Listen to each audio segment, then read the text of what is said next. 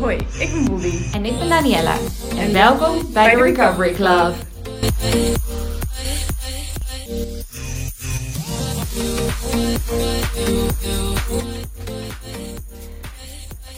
Welkom bij de eerste aflevering van de Recovery Club. En vandaag gaan we het hebben over extreme, tussen haakjes, honger op hoger gewicht. Oftewel, dat je op een punt bent aangekomen waarvan je denkt: oh god, ja, maar nu heb ik toch geen extreme honger meer nodig. Want mijn lijf is toch al lang op tussen haakjes gezond gewicht. Iets dat ook heel veel, eh, veel vaker voorkomt in de kliniekopnames, al dat soort dingen. Zeker.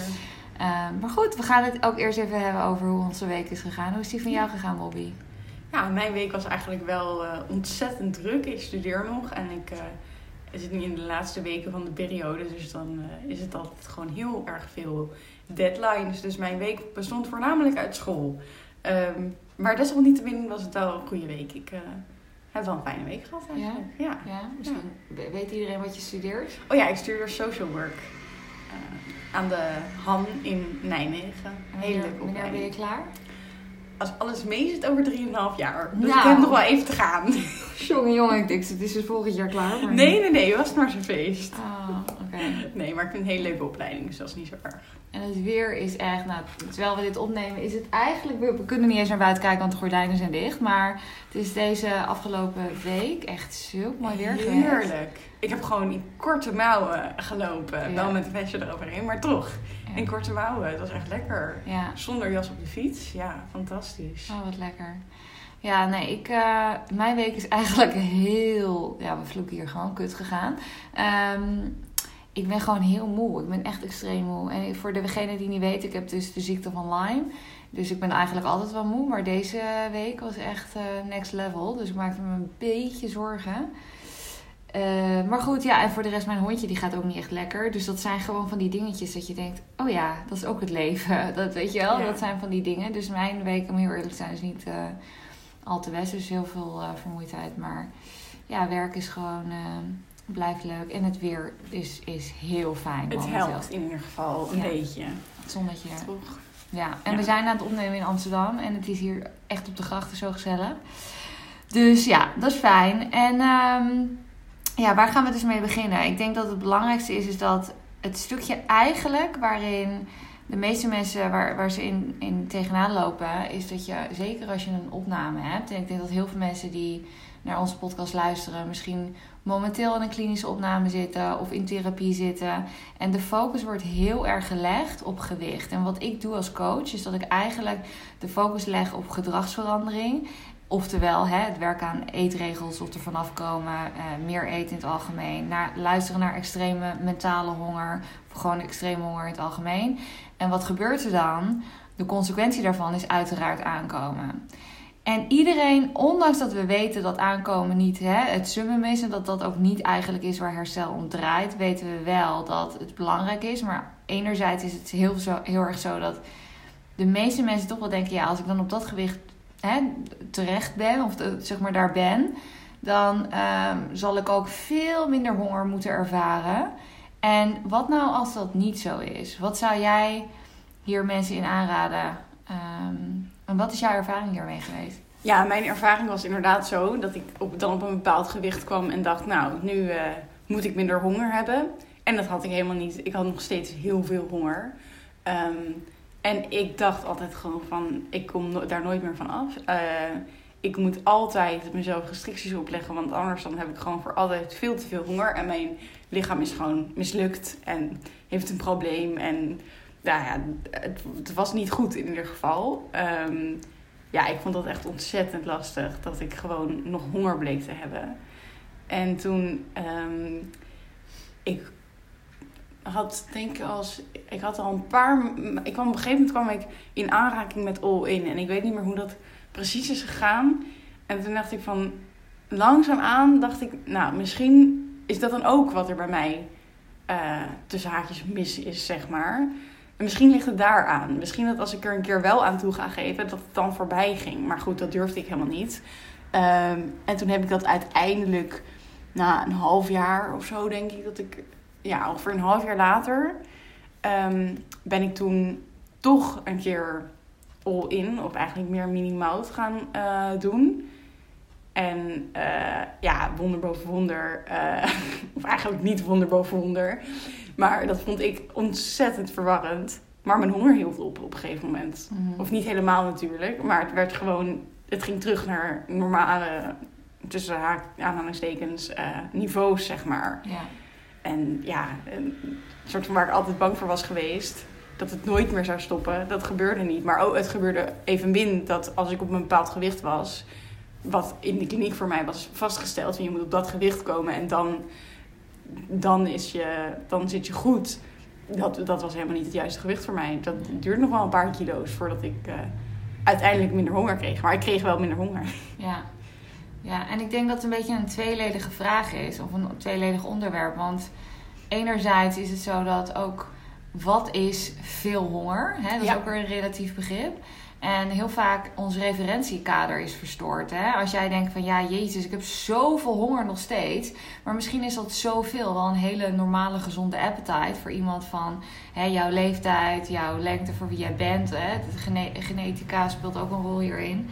En ja, het stukje aankomen. Ik zeg altijd, aankomen is niet zo moeilijk. Iedereen kan aankomen. Je kan aan een, nou ja, op een leefstijl zitten van eh Nutri-drinks met eh, ietsjes meer boterhammen. Met nog steeds heel veilig beleg. En jouw lichaam denkt waarschijnlijk, omdat het dus in zo'n tekort zit, van vasthouden deze handel. Want hè, we, we moeten ons naar een, een veilig gewicht brengen. In ieder geval uit die gevarenzone halen. En, maar dan kan je nog steeds extreem veel sowieso mentale honger ervaren omdat je jezelf natuurlijk nog steeds heel veel restricties oplegt. En dat, dat zeg ik ook heel vaak. Het is niet alleen eh, extreme honger in de zin van dat je buik alleen maar knort en, en hè, growls, zo zeg je dat in het Nederlands. Maar, ehm, maar dat het ook een stukje is van die mentale honger. Als jij heel lang zegt bijvoorbeeld van ja, oké, ik ga dit en dat wel eten. Maar ja, chocola, dat, dat, nee, dat, daar trek ik de grens. Waar ga je dan de hele dag aan denken? Aan chocola. Ja, En wil je dat in, in gigantische hoeveelheden inhalen. En ja, ik heb destijds in mijn periode, toen ik ook ging herstellen, echt voor herstel ging, ook nou, duizenden calorieën moeten wegwerken. Voordat ik op een gegeven moment ook merkte van, oh, ik heb nu het idee dat het allemaal een beetje begint te normaliseren. Maar dat had Precies. echt, ik had heel veel voeding nodig. Ja. Echt heel veel eten.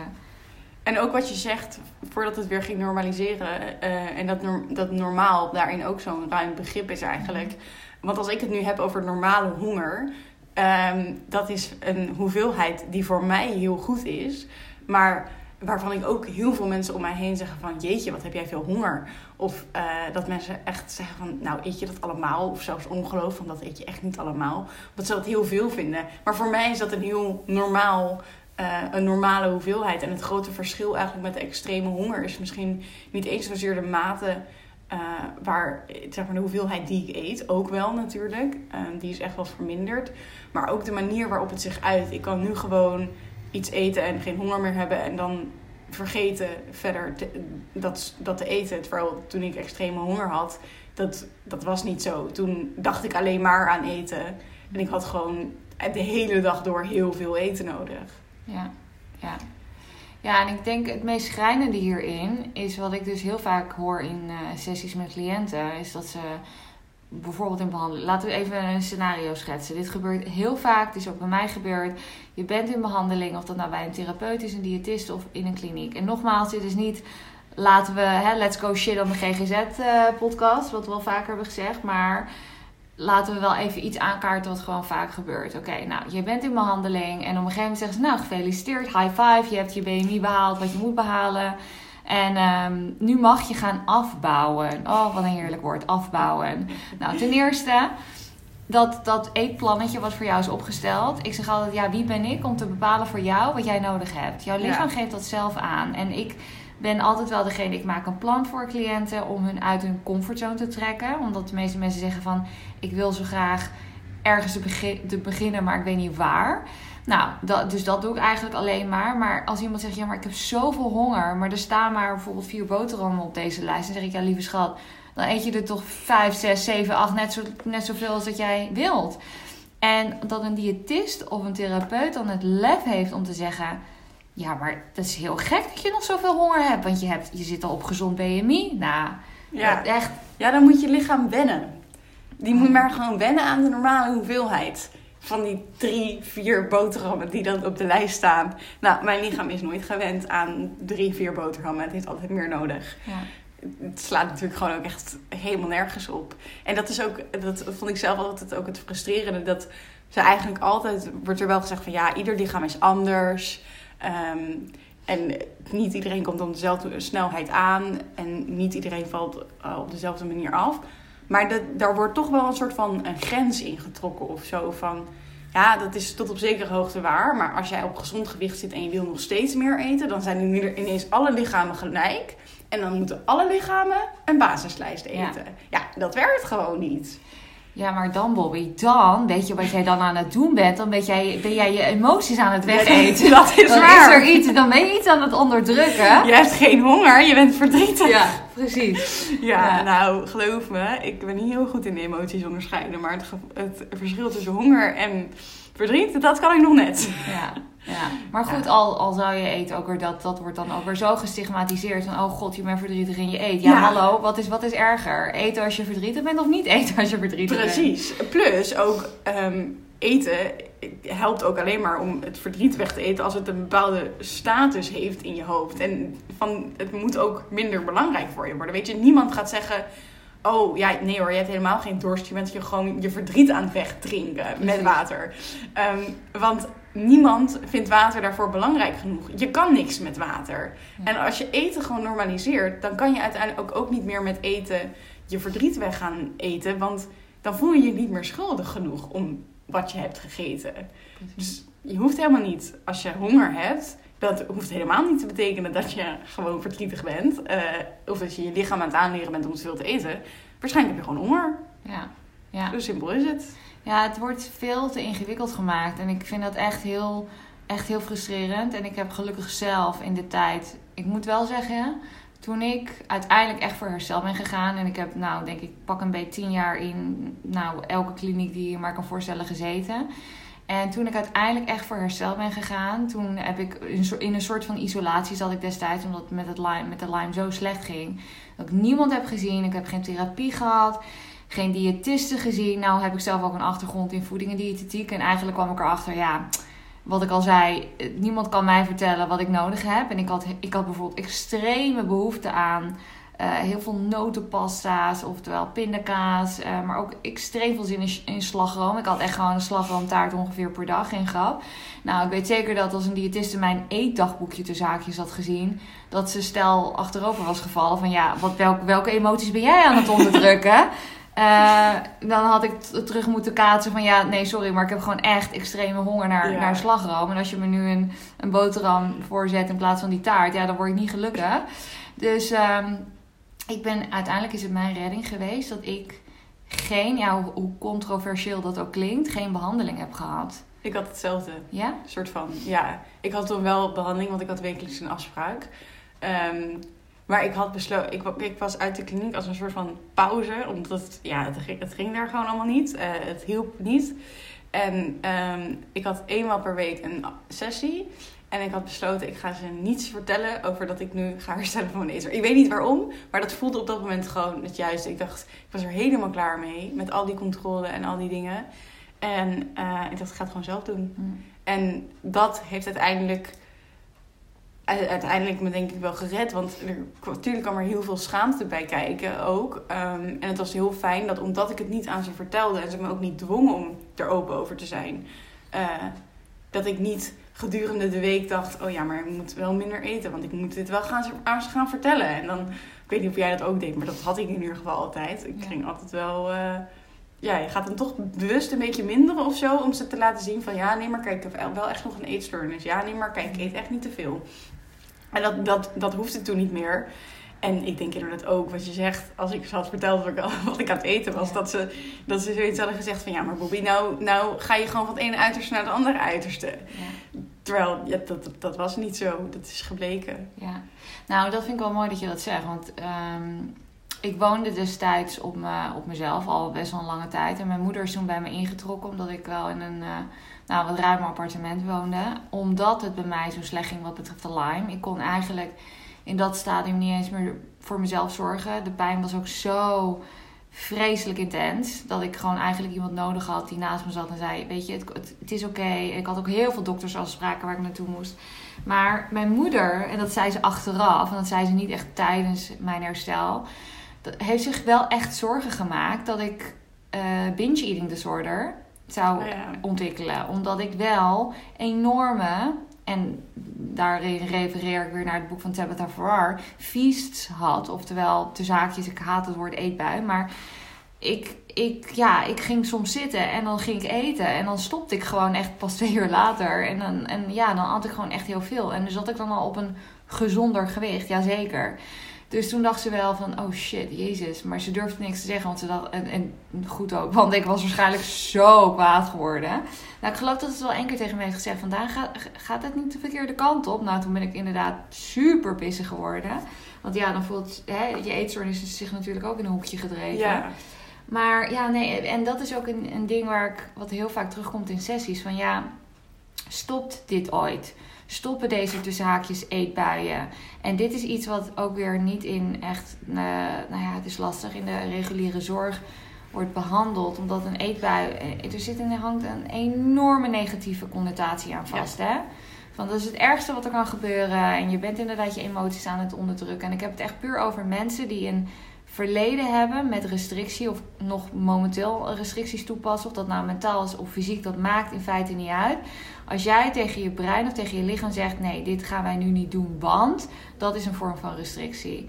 En uiteindelijk is het zo dat the pendulum will swing the other direction for a while. Oftewel, ja, je gaat gewoon een periode flink meer eten. En dat is vaak ook flink meer van één soort product waar je heel veel zin in hebt.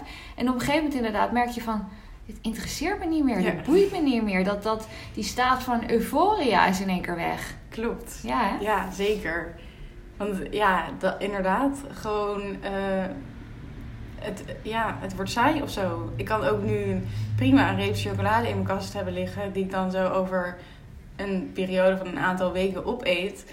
Nou, dat was in het begin van mijn herstel, dat was er echt niet bij. Ik had zo'n chocoladereep gewoon prima in één keer op, denk ik. Want ja ja, uh, ik had zo lang, mocht ik van mezelf geen chocolade. Dat het fantastisch was dat het weer een keer mocht. En het was heel fijn. En nu denk ik, ja, het is lekker. Maar na een paar blokjes heb ik genoeg. En dan vergeet ik het weer een keer. En dan zie ik hem weer liggen. En dat, dat is trouwens ook fijn. Dat ik hem dan gewoon zie liggen. En denk, oh, lekker. Ik ga een stukje chocolade eten. In plaats van dat ik eerst van mezelf honger moet hebben. En dan kan eten. Maar mhm. dat is een ander onderwerp.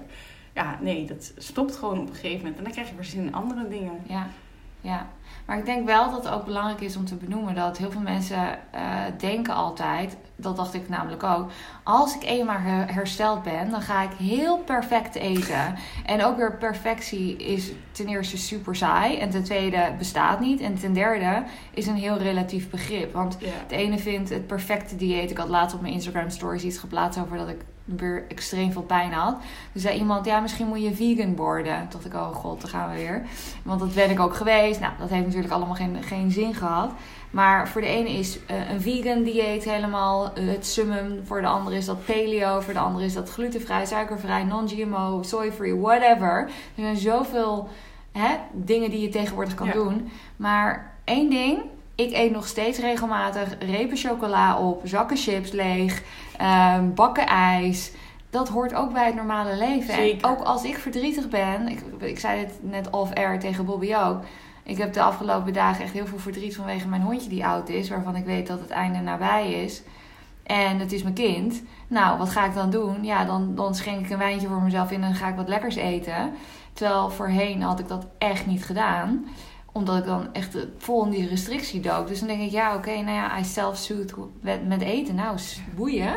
Ja, precies. Ik vond dat ook zo um, bizar, maar ook heel belangrijk in mijn herstel wel. Dat ik er een beetje achter kwam hoe normaal het eigenlijk was om af en toe te emotie eten. En af en toe inderdaad een pak koekjes weg te werken of een reep chocolade te eten. Want in mijn hoofd was dat ook allemaal, sowieso vanuit de eetstoornis, maar ook vanuit de hulpverlening, was het allemaal gewoon heel slecht.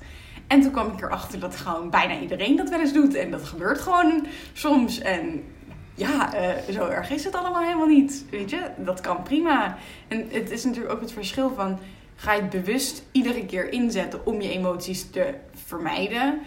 dan is het misschien niet helemaal goed. Maar heb je gewoon honger of heb, ben je verdrietig en je hebt zin in een reep chocola? Ja, bij all means. eh, eet zo'n reep chocola en gooi er een zak chips achteraan. Mhm. Maakt het uit. Ja. ja, en ik denk ook dat niemand, ik had het hier laatst ook met vriendinnen over, niemand ehm, gaat door het leven met perfect gezonde copingmechanismes. Nee. Dat, weet je, niemand, er bestaat niet zoiets als een perfect mens. Iedereen heeft imperfecties. En ik, ik bedoel, mijn familieleden, mijn vrienden, eh, iedereen, op het moment dat ze zich niet lekker in hun vel voelen. Tuurlijk, het is wat we net ook zeggen, super belangrijk om te voelen wat er te voelen valt. En ik denk juist als je in herstel bent of herstel eh, er doorheen bent gegaan, dat je juist veel meer in contact staat met je eigen gevoel en emoties. Dat ik af en toe denk van wow, ik ben zo blij dat ik het heb meegemaakt. Want ik kan echt zitten met mijn shit, zeg maar. Terwijl mijn vrienden heel erg de neiging hebben om seks, drugs en rock and roll in te zetten. En dan uiteindelijk bam, met een klap, weet je wel. Dat ze denken, oh my god, ik had, ik had echt gewoon even moeten rouwen om dit of dat. Ja. Dus wat dat er gaat, denk ik wel dat wij daar wat sterker in, in zijn dan een gemiddeld mens.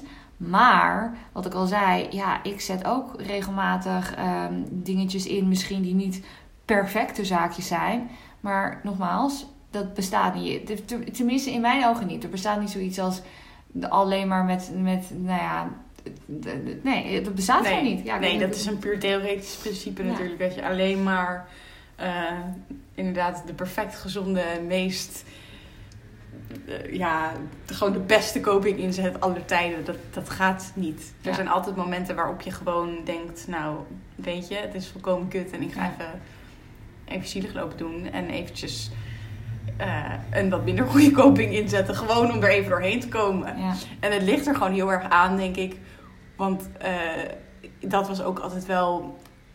nu ik dit zo zeg, denk ik... Ja, in mijn eetstoornis dacht ik ook heel vaak van... Oh, maar waarom mag dat dan niet weinig eten zijn? Nou, er zit natuurlijk wel een verschil tussen af en toe iets minder goeds inzetten... of iets inzetten eh, wat ook nog eens je hele leven gaat beïnvloeden. Mhm. En dat is natuurlijk wat een eetstoornis wel uiteindelijk doet. En daarom is het, mijn inziens, ook gewoon wel een stuk erger om, eh, om een actieve eetstoornis in te zetten. Versus af en toe gewoon een keer een zak chips open te trekken. ja. Dat, dat is gewoon een heel ander soort coping. Zeker, ja. Nee, absoluut. Ja, en ook daarin, en daar komen we straks op het einde ook op terug, want we hebben een paar vragen gekregen op Instagram. Mocht je ons daar nog niet volgen, at the Recovery Club podcast, of punt podcast is het, hè? Punt podcast. Eh, daar kan je ook je vragen indienen. Maar we hebben ook al wat vragen gekregen omtrent het stukje energietekort. Kijk, als jij inderdaad niet lekker in je vel zit en je gaat minder eten, wat gebeurt er dan? Dan kom je in een energietekort terecht.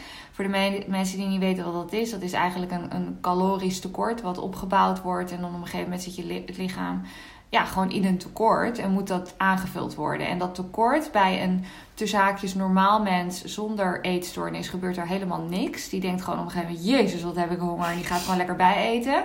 Maar iemand met een genetische predispositie voor een eetstoornis, en dat zijn Bobby en ik dus ook. Ik heb ook nog steeds een genetische pre- predispositie, dus dat betekent dat ik ook niet morgen kan beslissen, joh weet je wat, ik ga een week lang op een, eh, een juice cleanse en eh, amper wat eten. Want dan wordt dat, dat, zeg maar, dat vlammetje in mijn hoofd weer eh, aangewakkerd. En ja, dat kan je inderdaad dus niet inzetten als je niet lekker in je vel zit. Want dat is het hele ding. Daar is het vaak mee begonnen ook, hè? Ja, Dat je denkt, ach, ik zit niet lekker in mijn vel, even wat minder eten. En op een gegeven moment denk je, jouw eten is zo, dit voelt lekker. En want het is in feite een verslaving. ja, precies. Ik denk niet dat iemand ooit is begonnen met van... Nou, weet je wat ik eens ga doen om hiermee om te gaan? Ik ga een eetstoornis ontwikkelen. Ik ga mijn hele leven 24-7 om eten laten draaien. Ja. me helemaal kut voelen eronder. Nee, dat gebeurt niet. Nee. Het gaat allemaal per ongeluk. En daarom is het ook zo gevaarlijk eigenlijk om niet eten in te zetten als coping. Mhm. Precies. Dus mocht iemand zich zorgen maken over het stukje emotie eten of eten uit verveling. Jongens, dat doen we allemaal. Dat doe ik. eh, Hoe vaak ik wel niet eet uit verveling, dan lig ik op de bank. En dan denk ik, ja, goh, hè? Serietje aan, ik heb niet zoveel te doen. Ja, dan pak ik maar wat uit de kast. Ja, precies. Nou, en dan? Hè? Ik zeg altijd, if you're not shooting up heroin, you're not doing anything wrong. Echt waar. Ja, en ik kan er ook gewoon van genieten, toch? Dat, Ja. is, ook, dat is ook gewoon een, een prima reden. Ja. Gewoon niet vervelen betekent gewoon dat je er meer van geniet. Nou, dat is een prima reden om af en toe even te eten. Exact, Ik exact. niet zo vervelen. Maar goed, terug eigenlijk naar extreme honger op een hoger gewicht. Ja. Wat Want- is daar erg aan? Ja, Ja, niks eigenlijk, niks. zoals we net hebben verteld. Ja. En sterker nog, het is heel normaal. ja. Eh, de, meeste, de meeste mensen ook, die, eh, je, voor, voor de meeste mensen is het gewicht waarop hun lichaam zich het fijnst voelt helemaal niet BMI 18,5 of het BMI wat kliniek, kliniek hanteren is geloof ik nog net iets anders. Maar in ieder geval, dat is het voor de meeste mensen helemaal niet. De meeste mensen zitten op een gezond gewicht pas hoger. En tot die tijd heb je over het algemeen gewoon extreme honger. Of Ja. eh, in mijn ervaring, en ik denk in die van veel mensen, wordt het wel steeds minder, zeg maar, als je meer aankomt. Mhm. Maar je, je eetpatroon gaat zich pas volledig normaliseren als je gewoon op jouw gezonde gewicht zit. En dat kan inderdaad eh, ook op een hoger gewicht zijn. Ja. ja, en als laatste wil ik nog wel toevoegen dat mocht je echt gigantische mentale of fysieke honger ervaren. En iemand in jouw omgeving, of dat nou een, een specialist is, een therapeut, een diëtist, maakt niet uit. Je moeder, je vader, je hond, wie dan ook. Die zegt ja, maar je bent op gezond gewicht. Dus dit zou nu niet meer hè, moeten plaatsvinden. Nou, hoogstwaarschijnlijk zit je dan nog steeds niet op het gewicht wat hè, bij jou past. Maar daarbij dan heb je waarschijnlijk nog steeds heel veel voeding nodig om uit dat tekort te komen. Want wat ik al eerder zei, aankomen is niet zo moeilijk. Iedereen kan aankomen en jouw lichaam denkt heel snel, "Oh, we moeten dit vasthouden, want we, we zitten in hè, zelfbeschermingsmodus. Dat is ook een heel mooi mechanisme van het lichaam. Maar dat betekent nog niet dat dat tekort is aangevuld. En ook weer, als jij merkt dat je bijvoorbeeld door je herstel bent gegaan met bruine boterhammen met, eh, weet ik veel, kipfilet. En dat is ook weer, ja, dan heb je ook waarschijnlijk niet de dingen gegeten die jij moet eten om uiteindelijk ook het stukje rewiring in te zetten. Hè? Om van je fearfoods af te komen, van je angsten af te komen. Dus dat speelt ook een hele grote rol. Dat heel veel mensen nog extreme mentale honger hebben. Dat Ja. heb ik ook heel lang gehad nog hoor. Echt toen ik op ge, te zaakjes gezond gewicht zat. En ik had ook een beetje overshoot gewicht achteraf gezien, wat ik destijds niet wist. En heel goed ook. Ehm, ik had nog zoveel zin in dingen die ik mezelf echt, nou, tien jaar ze- niet heb toegestaan. Zoals ijs, koek, chocola, cake, noem het maar op. Echt. En, en dat heb ik ook gegeten totdat ik volledig, totdat het normaal werd. Precies. Ja, En dat is denk ik ook wel een belangrijke om eh, te benoemen, dat overshootgewicht. Eh daar kunnen mensen zich ook zo aan vastklampen. Dat herken ik ook wel heel erg hoor. Dat had ik in het begin heel veel. Dat ik echt dacht van nou, ik hoop gewoon dat dit het overshootgewicht Ja. is. En dat, dat ik als ik dit een tijdje volhoud, dat ik dan toch weer terug ga. Ja. Precies. ja, Naar dat, dat gewicht wat hieronder zit. ja. En nou, dat was het niet. Ehm, en dat is prima. En dat, dat, dat zou ik nu ook echt helemaal niet meer. eh, daar ben ik nu echt niet meer mee bezig. Maar het kan inderdaad wel dat je overshoot gewicht krijgt op het moment dat je. eh, dat je eigenlijk aangekomen bent tot een gezond gewicht met nog heel veel restricties. ja. Ja, als je dan je restricties gaat loslaten, dan kan het zijn dat je inderdaad gaat aankomen. En dan is het niet zo dat je je lichaam meteen hebt verpest. Want uiteindelijk gaat je lichaam dat echt wel weer omdraaien. Dat komt uiteindelijk wel weer gewoon op het niveau waar het op wil zijn. Ja. En dat is een, dat is een soort van een schaal van, van een 5, vijf of 10 kilo is het geloof ik, Ja. toch? Ja. En eh, nu is dat misschien dan heel belangrijk om aan het onderste van die schaal te zitten. Maar ook dat is uiteindelijk, althans dat denk ik, dat, je dat, dat jij dat wel, dat weet jij misschien wel. Van, uiteindelijk maakt het ook niet meer zo heel veel uit of Nee. je onderaan die 5 kilo zit of bovenaan die 5 kilo. En is het gewoon allemaal prima. Absoluut, ja. ja. En ook fluctuatie hoort natuurlijk bij het leven. hè? Precies. Je gaat niet je hele gewicht, dat is echt eh, op je hele leven op één gewicht zitten. Dat, dat slaat nergens op. Nee, want Dus- ik heb het er nu over toen ik midden 20 was en, en ik ben voor dit jaar 32. Weet je, dat mijn lijf, ik merk ook gewoon, mijn spiermassa neemt af. Ik ben gewoon, eh, ja, ik ben gewoon, word ook ouder. Dingen Ja, gaan een beetje hangen. Weet je, de zwaartekracht neemt toe. Ja, het is, het is wat het is. Ehm, ja, dat, ik zal er ook niet hetzelfde uitzien op mijn 40ste als dat ik dat nu Nee, doe. en je zal waarschijnlijk ook niet hetzelfde gewicht hebben. Ja, wat Nee. maakt dat ook uit? Het is toch ook gewoon vervelend. Dat, dat, dat vind ik ook altijd wel gewoon vervelend. Ik denk, ja, eh, als ik hier meega in die eetstoornis, dan ga ik dus mijn hele leven het belangrijk vinden dat ik niet die ene kilo aankomt, Ja. dan mag je daar dus je hele leven op gaan focussen. Om dat maar een soort van onder bedwang te houden. Ik moet er niet aan denken. Nee, verschrikkelijk. Dat is geen leven. En dat, dat gunnen we niemand. Nee, en dat precies. hoeft gelukkig ook niet. Eh, volledig herstel is echt mogelijk. En dat hoop ik ook mee te kunnen geven aan iedereen eh, in de komende nou, hè, podcast episode. Zullen wij, ehm, volgens mij hebben we deze wel mooi getackled. Denk Zullen we naar de vragen gaan? We hebben, Ja. wat ik al zei, we hebben vragen gekregen via- via Instagram. Dus je kan ons daarop volgen en vragen indienen op vraagstickers of ons DM'en. Ehm, even kijken. Nou, ik ehm, had twee vragen. Ik vond deze wel heel leuk.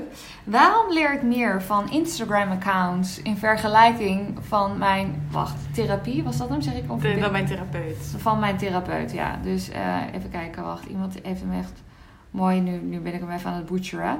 Ehm, even kijken. Dat zal ik beter voorbereiden. Eh, waarom leer ik meer van Instagram dan van mijn therapeut over herstel? En dan schrijft ze ook de kliniek erbij, maar die zal ik even niet benoemen, want we willen nogmaals niet klinieken onder eh, de bus gooien, zeg maar. Maar ja, ja, dat komt gewoon denk ik omdat A, wij zijn ervaringsdeskundigen. En omdat wij ook, eh, onze visie is dus ook echt wel eentje die heel anders is dan in de GGZ. Hè? Ja. Het gaat, wij zijn niet bezig met, oké, nou je moet tot BMI inderdaad dit en dat aankomen en dan ben je hersteld. Nee, absoluut niet. En helaas is dat toch nog steeds wel waar alle ja, de, de therapieën over gaan. Hè? Toch Ja, wel heel, zeker. heel erg het stukje gewicht. Er is ook wel de, de visie binnen de eetstoorniswereld is denk ik ook heel erg beperkt eigenlijk. Er wordt vrij weinig gekeken van wat zijn de ontwikkelingen op dit gebied. Is er iets anders mogelijk? En ik denk ook dat ehm vetfobia of vetfobie in de eetstoorniszorg ontzettend speelt. Ja. En dat daarom ook heel vaak niet breder wordt gekeken. En als je daar eenmaal voorbij durft te kijken, wat ook wel vaak denk ik makkelijker is als je zelf een eetstoornis hebt gehad, dan, dan leer je dus uit, automatisch meer over herstel eigenlijk. Ja, klopt, klopt.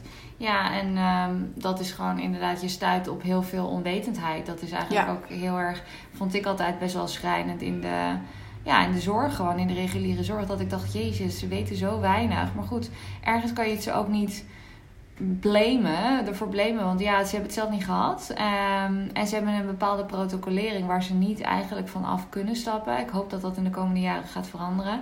Maar daarom is het ook zo, denk ik, dat zoveel mensen een eetstoornisherstelcoach willen worden. Omdat ze dus zien van, oh ja, nou ja, dit is dus wel wat, hoe, hoe, het, hoe, het, ja, hoe het zou moeten gaan. en dit is wat ik heb gemist. En Precies. dat wil ik nu graag overbrengen. Ja, ja. ja, dus dat is denk ik een beetje het eh, antwoord op je vraag. Leuke vraag trouwens. Ehm, de volgende vraag is: loop je altijd een risico als je in een energietekort komt na herstel? Ja, absoluut. Ja, Kijk, je moet, zeker. daar hebben we het eigenlijk al eerder over gehad. Je moet ervoor zorgen dat je gewoon niet in dat energietekort terechtkomt. En dat is eigenlijk vrij simpel. Gewoon genoeg eten, jongens. ja. Maar ja, stel je, stel je komt er wel in, dan denk ik inderdaad zeker dat het altijd een risico is. Gewoon omdat jouw brein als eh, voormalig eetstoornis... Ja, eetstoornispatiënt klinkt zo stom. Voormalig persoon met een eetstoornis... ehm, die zal direct eigenlijk al die routes, al die verbindingen die het in, in je hoofd heeft gelegd... van, nou, ik zit nu in een energietekort, dan komen deze gedachten op... die gaat het gewoon weer inzetten. En dan komen altijd dus die eetstoornisgedachten wel weer terug. Dus in die zin is er zeker altijd een risico. Maar het risico ehm, is ook wat jij ervan maakt natuurlijk. Als jij zegt van, nou ja, eh, als het zover is, dan kijk ik wel wat ik ermee doe. Ja. Dan is het een groot risico. Als jij zegt, ik heb misschien, ga misschien die gedachten wel weer krijgen, maar ik ga hoe dan ook niet toegeven aan mijn eetstoornis. En dit en dit en dit ga ik doen om dat te voorkomen. Dan, je kan het risico eigenlijk zo groot en zo klein maken als je zelf wil. Ja. Maar is er een risico? Ja, ik denk het wel. Ja. ja, en ik heb hier een eh, voorbeeld ook van. Ik ehm, ben dus een, nou, in best wel veel behandelingen geweest voor mijn ziekte van Lyme. En ik heb een paar jaar geleden eh, nou, mijn zoveelste antibiotica-infuus gehad. En dat infuus, dat was zo heftig. Was echt niet normaal. Was extreem misselijk. Ik had heel veel moeite om mezelf echt te force feeden. Ik heb dat gedaan zo goed als ik kon. Maar tot op zekere hoogte. En ik merkte op een gegeven moment dat ik dus eigenlijk... Ja, in een tekort terecht kwam. Was misschien niet een gigantisch tekort, maar toch wel net even hè, te weinig gegeten voor wat mijn lichaam nodig had op dat, op dat moment. En ik, ik begon in één keer weer van die oude, kleine ja, fluisterende eetstoornisgedachten te krijgen. En ik schrok daarvan. Maar ergens ben ik ook blij, blij dat ik het heb meegemaakt. Want toen dacht ik, oh ja, dit is weer een indicatie dat ik echt niet ehm, mijn intake kan verslonsen. En dus daar heb ik mezelf er weer ontzettend veel naar uitgegeten daarna. En uh, is alles goed gekomen. Maar ja, zo zie je maar weer. Het is echt, het gebeurt gewoon. Je krijgt gewoon weer die gedachten. En die gedachten zijn eigenlijk meer, is gewoon alleen maar informatie. Die gedachten betekenen niet dat je gelijk weer helemaal nou ja, onderaan eh, de streep moet beginnen. En uh, dat, dat, dat is niet zo. Het is gewoon meer een alarmbel van, oh ja, dit, is dus, hè, dit zijn mijn genen die gewoon nu even opspelen. En uh, ja, door meer te eten en daar echt op te letten, dan, ja, dan kan je ervoor zorgen dat het niet uh, te ver, dat je te ver afdwaalt. Hoe zeg je dat? Af, afgeleid. Afgeleid, ja, ja precies woord. Nou, dit was hem dan voor nu. De eerste echte aflevering. Hoe vind jij dat het ging? Ik vond het wel uh, leuk eigenlijk. Ja. Ja. ja. we zijn helemaal kapot na een uur lullen. Gaat lekker. Maar goed jongens, uh, vergeet ons niet te volgen op Instagram op recoveryclub.podcast. Stel daar al je vragen en we zien jullie volgende week. Doei! Doei doei!